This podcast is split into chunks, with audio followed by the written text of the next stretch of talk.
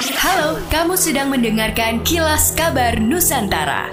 Podcast persembahan KG Radio Network menyajikan berita harian yang mengangkat keunikan dari berbagai wilayah Indonesia. Kilas Kabar Nusantara dapat juga didukung oleh pengiklan loh.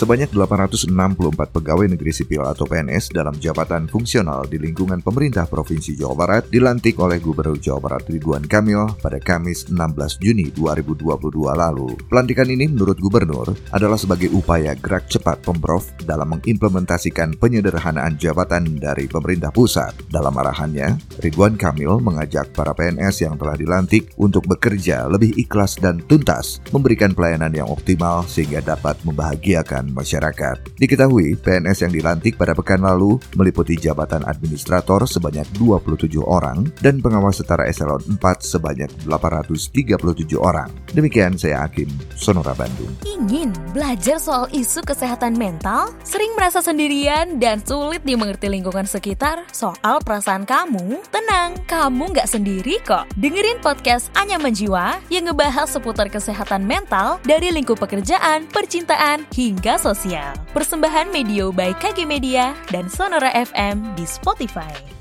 Perumda Air Minum Tugu Tirta atau PDAM Kota Malang kali ini telah mendapatkan penghargaan di kategori Unit Pelayanan Publik atau UPP terbaik pada kompetisi pengelolaan pengaduan pelayanan publik atau P4 keempat yang dihelat oleh Kementerian Pendayagunaan Aparatur Negara dan Reformasi Birokrasi atau Kemenpan RB. Ada lima instansi yang termasuk ke dalam kategori ini, yaitu ada Perumda Tugu Tirta, Puskesmas Jati, Direktorat Bea Cukai Kementerian Keuangan, RSUD Bendan Kota Pekalongan, dan Dinkes Kabupaten Tangerang. Direktur Utama Perumda Tukul Tirta, M. Nur Muhlas, mengatakan ini adalah kemenangan bagi seluruh warga Kota Malang dan semoga penghargaan ini tidak membuat pihaknya cepat puas, tapi akan bisa menjadi semangat untuk terus berinovasi dan memberi pelayanan prima kepada masyarakat.